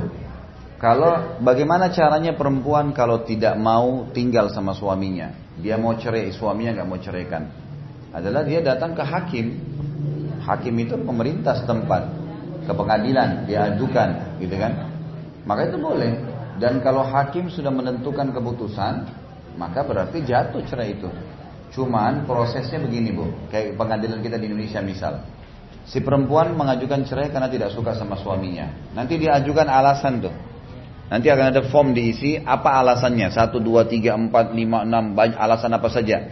Nanti dipelajari oleh si hakim. Oh ternyata dia ini minta cerai karena tidak dikasih nafkah, harta tidak dilayanin, mungkin suka mukul, inilah itulah macam-macam disampaikan. Nanti si Eh, pengadilan mengundang si suami ini, diminta alamatnya, kemudian dikirimkan surat undangan. Pada saat dia datang diberikan nih keluhan istrimu nih, benar nggak? Nah dia jawab tuh, ini benar, ini nggak benar, ini gini, dibantah sama dia dengan bukti-buktinya. Enggak, saya selalu kasih ini bukti transfernya misalnya tiap bulan. Misal contoh, jadi dia coba memperbaikin itu. Gitu kan. Intinya kalau nanti di, sudah dibalas oleh suaminya, dikasih ke hakim, hakim akan kasih lagi ke istri. Ini loh balasan suamimu. Tapi di situ di, di pengadilan tidak ada sidang ya. Jadi bukan orang berantem berantem, enggak. Dalam bentuk tulisan supaya diberikan kesempatan berpikir. Nanti si istri pulang dibalas lagi sama dia kalau dia masih belum puas. Nanti diundang lagi dikasih ke suaminya, gitu terus sampai ada titik temunya. Nanti itu pasti akan terkerucut masalahnya kan? Karena sudah apa pun sudah terbantah ini dibantah ini. Nanti kalau hakim melihat dari beberapa kali pertemuan antara dua ini, walaupun mereka tidak ngobrol, dilihat kalau si istri memang yang dasarnya salah, misal hakim ngambil kesimpulan ternyata memang istri ini cuma cari-cari alasan untuk cerai mungkin karena ada laki-laki lain, mungkin karena tidak suka dan seterusnya, maka hakim akan mengeluarkan surat cerai, dikasih perempuan itu surat cerai, tapi surat cerainya namanya tolak bayin sugro. Perceraian bayin, bayin itu kan sebenarnya sudah tidak boleh kembali ya, tapi ada istilah sugro, dianggap masih tolak raj'i. Karena dianggap perempuan ini lagi lalah ini. Jangan nanti dikeluarkan surat terus dia mau kembali lagi sama suaminya kalau sudah dikasih cerai yang tiga nanti akhirnya tidak bisa lagi kembali kan gitu. Tapi kalau dilihat si laki-laki yang salah, emang dasarnya dia tidak kasih nafkah, emang dia punya penyakit jiwa, misal hal-hal yang membahayakan si wanita. Maka hakim setelah melihat beberapa kali pertemuan, gitu kan, dengan alasan-alasan maka dia bisa mengeluarkan surat namanya sol, tolak bayin kubra. Nah itu sudah tidak boleh kembali lagi, nggak boleh kembali lagi antara suami istri. Jadi perempuan boleh mengajukan itu.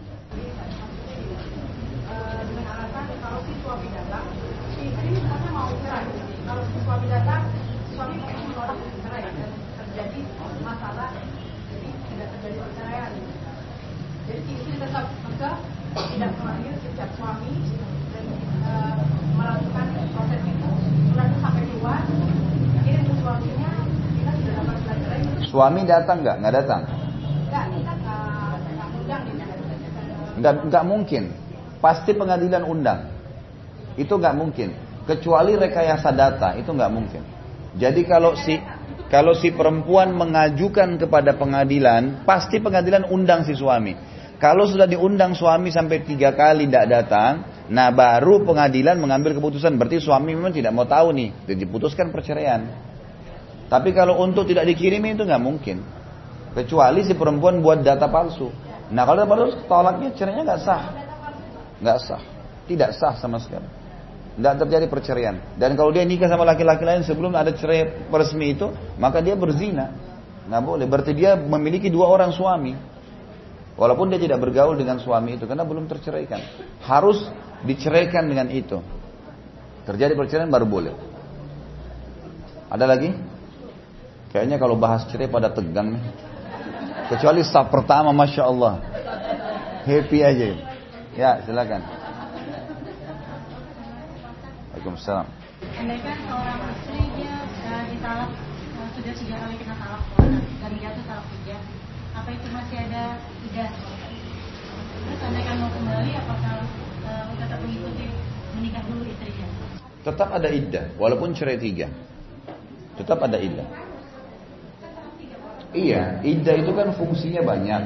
Iddah itu pertama kesempatan untuk kembali kepada suami kalau masih tolak raj'i. Masih boleh kembali dua kali cerai. Tapi kalau sudah tiga kali, fungsi yang lain iddah adalah mensucikan rahimnya. Jadi jangan sampai memang ada bibit yang ditaruh oleh si suami awal. Karena kan ada hadis Nabi yang berbunyi, janganlah kalian meletakkan bibit di atas bibit saudaranya. Nggak boleh benih saudaranya. Jadi kalau perempuan itu lagi ada habis hubungan biologis sama suaminya lalu cerai, tiga bulan itu masa pensucian. Karena wanita wanita yang hamil itu dalam hukum syar'i diprioritaskan tidak menikah sampai selesai melahirkan.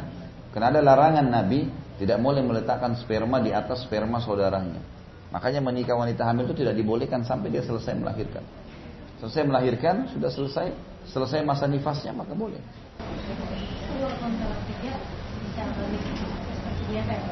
Iya, tapi syaratnya kalau sudah cerai tiga, bisakah kembali boleh, tapi dengan syarat si perempuan nikah resmi sama laki-laki lain. Siapa pun itu. Enggak, enggak, enggak boleh, indah enggak boleh nikah. Selesai masa iddah. Enggak boleh buru-buru. Gitu. Masa iddah selesai, baru nikah. Yang menikah di masa iddah tidak sah nikahnya. Nggak boleh.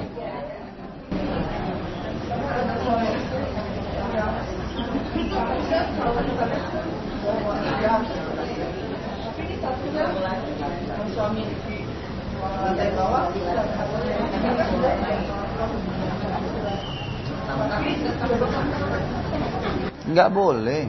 Tidak boleh serumah. Tapi mereka dibilang cerai, enggak ucapin kalimat cerai. Enggak, tapi enggak, enggak, enggak. Tapi sering bertengkar. Artinya Dia berdosa. Dua-duanya berdosa. Kalau misal, ini jadi kasusnya gini, ibu-ibu di belakang yang tidak dengar. Kalau ada suami istri, tidak ada perceraian di antara mereka, tapi ada pertengkaran sering terjadi. Si suami lantai satu tinggalnya, suami istri lantai dua. Tapi belum pada perceraian. Maka ini tidak terjadi cerai, tetap satu, satu suami istri. Tapi tidak tidak menjalankan kewajiban kayak hubungan biologis. Itu berdosa. Siapa yang tidak lakukan? Dua-duanya, dua-duanya berdosa. Karena hak istri biologis, hak suami biologis nggak bisa. Dan kalau si suaminya misalnya datang mendatangi istrinya ke kamarnya lalu dia gaulin tidak boleh istrinya nolak. Kalau nggak mau ya cerai, nggak bisa. Selama satu suami istri harus terjadi apa pun yang merupakan kewajiban itu. Nggak bisa, makanya cerai kalau memang nggak bisa. Allahu alam. Ini kata-kata sedikit ada kelainan ini masih boleh. Karena sedikit. Hmm. yang Allahu alam. Ini kalau bahasa medis sedikit ada kelainan ini belum bisa diterima. Harus ada kelainan baru bisa kan? Nah, kalau sedikit kelainan cuma diterka-terka.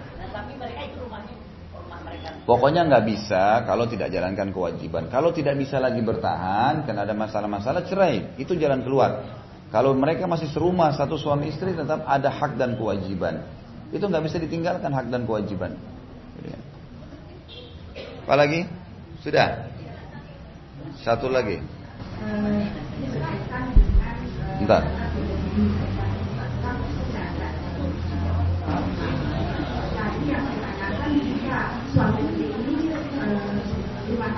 12 tahun. Tapi kesalahan adanya di pihak suami. Dan istri minta bercerai. Dan eh, itu dikabulkan oleh suaminya. Nah dalam hal ini apa istrinya yang mendapatkan harta sedikit pun? Sama sekali. Sama sekali. Tidak ada tidak ada haknya di mana dia minta uang di mana dia minta harta di situ. Nggak ada nggak ada celah syariah. Ya. saya bicara secara syariahnya nggak ada. Tidak bersalah. Nah, terus tidak bersalah apa hubungannya dengan harta suaminya? Nggak ada kewajiban suami memberikan nafkah dia setiap bulan untuk makan. Ada kelebihan dari situ dia tabung itu haknya dia. Tapi kalau dia cerai sama suaminya lalu dia paksa harus ambil harta suaminya, walaupun suaminya yang salah tidak ada, tidak ada sama sekali celah syar'inya. Itu negara. Kita bicara hukum agama.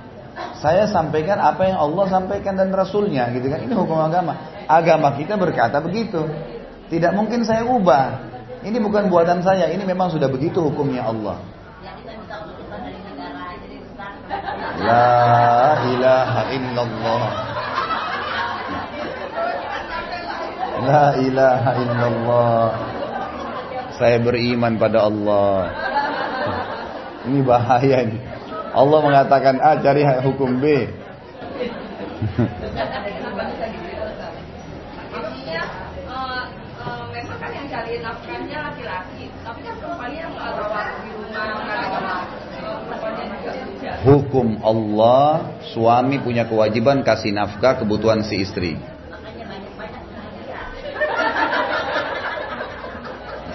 Ajaran yang tidak benar. Ajaran tidak benar. Alhamdulillah nggak semuanya dengar. Ini bahaya nih ajarannya. Sudah ya? Jadi gini bu, ini ibu-ibu ini suka terbawa perasaan. Pada saat tadi pertanyaan itu ada orang puluhan tahun menikah, lalu suaminya berbuat kesalahan, lalu istrinya minta cerai. So, istrinya dapat gak dari harta suaminya? Jawaban syar'i tidak ada. Sekarang kan yang menilai ini benar atau salah, siapa yang menilai? Dari perempuan kita dengar? Dari laki-laki kita dengar? Karena ini sulit menentukannya, apalagi kita cuma dari luar. Setiap perempuan yang cerai sama suaminya atau laki-laki menceraikan istrinya pasti membela diri, dia yang benar. Nggak mungkin ada yang datang, iya saya memang salah itu kan. Pasti dia membela berusaha mencari kesalahan pasangannya. Jadi tidak bisa dijadikan tolok ukur. Tiba-tiba langsung dilihat, oh, kok bisa suami itu kayaknya zalim. Dan ini kasus jarang terjadi. Ya, jarang sekali terjadi. Masa orang sudah puluhan tahun menikah, kemudian tiba-tiba bercerai. Gini loh, bu, gini sebentar. Laki-laki dan perempuan itu manusia. Manusia itu punya rasa marah, punya rasa senang, punya capek, punya segar. Pada itu memang ada. Jadi kita jangan mimpi menghayal menikah dengan orang yang tidak akan pernah marah. Itu mustahil itu. Nabi SAW pernah marah pada saat terjadi hal-hal yang tidak diinginkan gitu kan. Jadi kita harus tahu melanggar agama misalnya itu wajar terjadi. Ada saatnya orang jenuh ya, jenuh dengan keadaan yang memuncak Mungkin karena peninggalnya orang tuanya, mungkin karena penyakitnya menimpa dirinya dan seterusnya, gitu kan? Itu kejenuhan bisa terjadi dan jangan itu dijadikan tolok ukur untuk ini saya benar atau saya salah, gitu. Jadi harusnya kita tahu dan dalam kondisi pasangan kita salah pun masih dianjurkan secara syar'i untuk bertahan. Contoh misal, ada sahabat laki-laki yang sempat istrinya selalu berhubungan sama laki-laki lain. Kalau dalam bahasa wahyunya ya, itu santun dibahasakan. Sesungguhnya istriku tidak menolak jamahan tangan laki-laki lain. Sebagian ulama hadis mengatakan ini kemungkinan selingkuh sama laki-laki lain. Kata Nabi SAW, ceraikan dia. Udah. Apa dipertahankan kalau sudah berbuat dosa besar gitu kan. Tapi dia bilang, cuma saya mencintainya ya Rasulullah. Kata Nabi SAW, pertahankan kalau begitu. Nabi suruh pertahankan, perbaikin.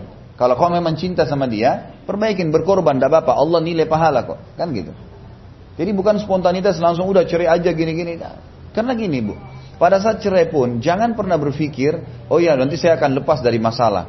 Setiap kehidupan, setiap orang akan ada ini, ini cerai nih sama suami pertama, lalu dia nikah sama suami kedua. Terus suami kedua ini waktu sebelum nikah mungkin menjanjikan ini, menjanjikan itu. Jangan lupa, itu janji. Dan juga satu sisi yang lain, dia juga punya kekurangan. Akan ada masalah lain tuh, akan ada masalah lain. Laki-laki begitu, dia ceraikan istri, nikah sama perempuan lain dengan harapan yang lebih baik. Ini perempuan juga punya kekurangan sebagaimana ini punya kekurangan. Gitu ya. Sering terjadi, ada kasus pernah terjadi laki-laki dia marah sama istrinya karena tidak memenuhi biologisnya misalnya. Dia udah bahasakan tidak dipenuhi. Baik, itu kekurangan yang semestinya secara syari diperbaikin ya. Dicari jalan sampai bisa jalan keluar. Ternyata dia karena tidak beriman sama Allah larinya ke bar misalnya. Ketemu dengan perempuan tidak benar. Maka dia ceritakanlah masalahnya. Si perempuan tidak benar ini tahu kasusnya kena biologis. Dia penuhilah masalah biologis tadi. Si laki-laki puas. Dia nikahi si pelacur tadi. Ternyata si perempuan ini punya kekurangan jauh lebih banyak daripada istrinya. Itu sering terjadi tuh. Sama halnya juga perempuan begitu. Dia pikir dia punya masalah. Makanya saya bilang bu, dalam dalam rumah tangga yang kita bahas pernah di rumahnya ibu dokter ya, 10 pilar mempertahankan rumah tangga itu. Salah satunya uh, adalah tidak boleh melibatkan orang ketiga dalam rumah tangga kecuali alim ulama. Gak ada yang lain. Gak ada yang lain. Orang tua kita pun kalau tidak bijak maka nggak boleh. Harus hati-hati. Ya. Harus hati-hati. Jadi tidak boleh. Kameranya ditutup sama anak. Jadi harus dipahamin, hukum-hukum syari ada, berlaku gitu kan. Jadi supaya jangan sampai salah paham. Di, di masyarakat Indonesia kebanyakan kalau orang sudah mulai masuk masa andropos dan itu mereka separate mereka kayak gitu. Gak boleh. Nah? Enggak boleh. Tetap jadi kalau dia tidak gini loh. Kalau ada satu hambatan, misal sudah tidak bisa melayani biologis. Ya sudah poin itu yang dia bahasakan ke pasangannya saya sudah nggak bisa melayani. Tapi kan melayani makan, membersihkan rumah. Lah iya, nggak masalah. Dia bahasakan kalau suaminya ridho nggak ada masalah. Nggak boleh itu syaitan. Nggak boleh. Lawan syaitannya. Nggak boleh. Kan dia minta supaya kalau memang kamu mau menceraikan, kamu mau minta cerai sama saya, mendingan kamu yang keluar akhirnya bilang kamu yang keluar dari sini karena ini tangan saya si perempuan bilang betul ini tangan kamu saya yang membangun rumah ini sampai begini nah itu Ya sudah, berarti bangunan punya si perempuan kalau cerai, tanah punya si laki-laki. kan berarti kan lagi Iya, dia nuntut ke pengadilan, dia sampaikan kalau rumah itu dia yang bangun, tanahnya punya suaminya. Nanti pengadilan akan menuntut si suami memberikan nilai bangunan itu kepada dia. Emang begitu jalan keluarnya. Dia tetap akan ambil haknya, gitu kan? Iya, hakim yang menentukan. Kalau suami istri sudah tidak bisa titik temu ketemu, maka hakim yang mengambil keputusan. Sudah pemerintah. Makanya dari awal keduanya memperbaiki. Kalau tidak bisa, keluarganya didatangkan. Kalau tidak bisa, hakim. Hakim sudah penentu. Hakim itu sudah penentu. Dia akan bisa menceraikan atau tidak menceraikan. Hakim bisa hakim itu bisa menarik haknya suami. Kalau dia tahu suaminya zalim, diceraikan sama hakim. Jadi hakim itu dan bisa mengambil hak secara hukum ya. Maka nanti pihak pemerintah itu yang akan mengejar si suami ini. Jadi terus akan dikejar untuk kalau tidak dia hitung kriminal, nggak boleh. Haknya orang dia harus kembalikan. Oh iya, kan pengadilan pada saat dia ngajukan cerai semuanya masalahnya diceritain sama dia. Semuanya. Ada 100 poinnya, 100 poin ditulis. Nanti dari situ baru akan ada penilaian dari pengadilan, yaitu konsekuensinya. Oh lain, itu lain, sudah diberikan. Makanya begini, begini, sebentar. Niatlah nikah memang untuk ibadah. Jadi sabar, saya sudah kasih contoh hari orang pergi haji niatnya ibadah biar capek keringatan jatuh kepleset waktu di sana tetap mau kembali lagi. Karena orang tahu ini ibadah ada suka dukanya ada pahalanya di sisi Allah. Jadi harusnya niat begitu ya. Dan memang bagi ibu-ibu yang sudah terlanjur berjalan ya berdoa sama Allah dan coba perbaikin. Tapi kalau belum anak-anak kita nanti, memang dari awal dicariin pasangan yang sudah baik. Jangan yang banyak PR-nya nih. Dinikahkan anaknya sama laki-laki narkoba, yang penting kaya. Ya wajar lah, gitu kan. Kalau terjadi masalah dengan anaknya, itu kan banyak terjadi ya. Yang penting kaya, punya mobil, rumahnya bagus, sudah nikah. Narkoba nggak apa-apa deh, nggak bisa. Ipar saya kemarin sempat diminta oleh seseorang Terus ditanya ke saya, bagaimana ya laki-laki ini orangnya mapan, mampu, keluarganya baik, tapi orangnya suka mabuk. Saya bilang jangan diterima. Kecuali memang dia si calon perempuan mau siap dia pulang mabuk, mungkin dia mukul, mabuk itu bahaya ya. Bisa membunuh malah. Jadi jangan, tidak boleh itu PR namanya untuk apa? Untuk apa?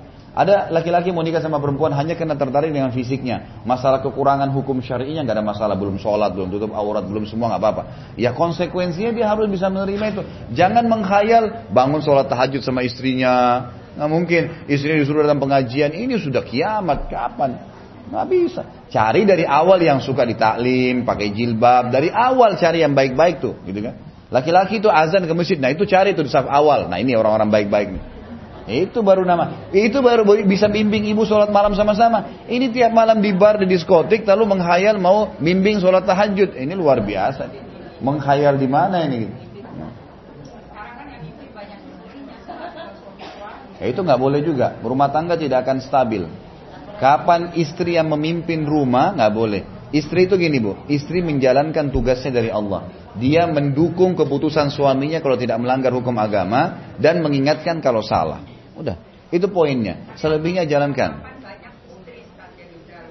Tidak ada urusan. Dia mapan pun dalam hukum syari dia kaya raya, dia seorang profesor pun punya beragam macam banyak. Satu Jakarta semua punya dia, lalu dia nikah, tetap dia hukumnya istri di bawah suaminya. Nah boleh dia memimpin. Hukum agama begitu. Kalau mau jadi muslim, kalau tidak mau mau pakai hukum rimba, hukum dia sendiri ya silakan. Allah bilang tidak boleh. Ar-rijalu kawamuna ala nisa perempuan dipimpin oleh laki-laki pemimpin perempuan. Memang dia yang penentu keputusan. Kasih wewenang. Ini loh kita mau keluar. Menurut kamu bagaimana? Oh besok kita keluar ke sini. Baik, ikutin. Bukan karena dia, karena Allah. Ini ibadah semua nih. Ya. Kita jalan kaki ke jumrah, gitu kan? Panas, tapi Allah yang suruh. Ya udah kita jalan. Keringat-keringatnya pun kita nikmatin. Ya. Emang sudah begitu. Dan dunia sebentar kita akan laluin, gitu kan? Jadi sabarlah, jangan terlalu ini. Ada uh, sekarang teman ibu-ibu sekalian, teman-teman kita di Myanmar ya, itu diarahkan ya, luar biasa. Perempuan ada satu cuplikan, saya menceritakan supaya ibu bisa lihat bagaimana nikmat yang sedang Allah berikan kepada kita. Alhamdulillah. Ada satu perempuan muslimah itu ditangkap oleh orang-orang di sana, kemudian dipotong lehernya. Sama suaminya itu difoto, kepala istri dipegang, ditulis dalam bahasa Arab tuh. Terus jasad istrinya ini disembunyikan di belakang semak belukar, anaknya lagi nangis nyari ibunya. Gitu. Dan itu terjadi hampir tiap hari. 17 tahun sekarang umat Islam diarahkan, itu disiksa begitu. Dibakar, dibunuh. Ada perempuan sampai nangis-nangis, suaminya dibakar depan matanya, anaknya dibakar depan matanya. Sekarang di Syria, orang pengungsi tidur di pinggir sungai berharap ada kapal yang selamatin. Mereka makan, ada cuplikan sama saya, mereka makan bekas roti yang sudah seminggu di jalanan. Tercampur pasir, dibongkar-bongkar. Dimakan sama dia, diwawancarain sama orang. Anak-anak kecil, kenapa? Kalian buat apa? Dia bilang kami sudah seminggu nggak makan, jadi kami mengumpulkan sisa-sisa roti seperti ini. Mereka kurus sampai mati, luar biasa, gitu kan? Ada banyak orang mengeluh karena jasadnya. Ibu-ibu sudah alhamdulillah sempurna, kulitnya nggak apa-apa, matanya nggak apa-apa, telinga nggak apa-apa. Ada orang lahir tumor misalnya, naudzubillah, matanya rusak, buta. Berapa banyak nikmat Allah sama kita nih? Kita mengeluh tidak punya, tidak bisa beli satu produk. Ada orang yang tidak bisa, tidak tahu mau makan apa.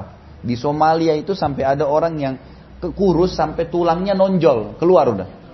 Udah luar biasa sudah. Itu mungkin cuma ditekan itu bisa jebol badannya karena nggak ada makanan. Perutnya sudah nggak ada sama sekali. Mereka tidak tahu makan apa. Kita masih bisa beli ini, beli itu, beli ini. Masih ngeluh. Ini gimana ini gitu. Terlalu banyak nikmatnya Allah. Jadi coba berpikir lebih jauh. Kita ini disuruh oleh Allah, oleh, Nabi SAW melihat orang yang di bawah.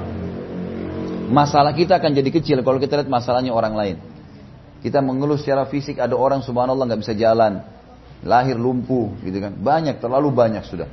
Ada eh, apa namanya cuplikan yang saya lihatkan istri saya kemarin saya tidak tahu siapa yang mengirim tapi cukup bagus banyak istri yang mengeluh suami saya begini suami saya begitu ternyata ada cuplikan didatangkan sini dia bilang coba lihatlah ada satu cuplikan tidak tahu dari mana didapat ada seorang suami lagi marah sama istrinya Us, istrinya tuh ditendang-tendang sama dia diinjak-injak sampai dibilang dalam cuplikan itu lihat nih bagaimana suami ini yang tidak bertanggung jawab dan bagaimana dengan suami anda yang selama ini masih memperhatikan masih mau membelikan sesuatu, masih mengajak musyawarah. Itu luar biasa, tapi banyak perempuan tidak sadar itu.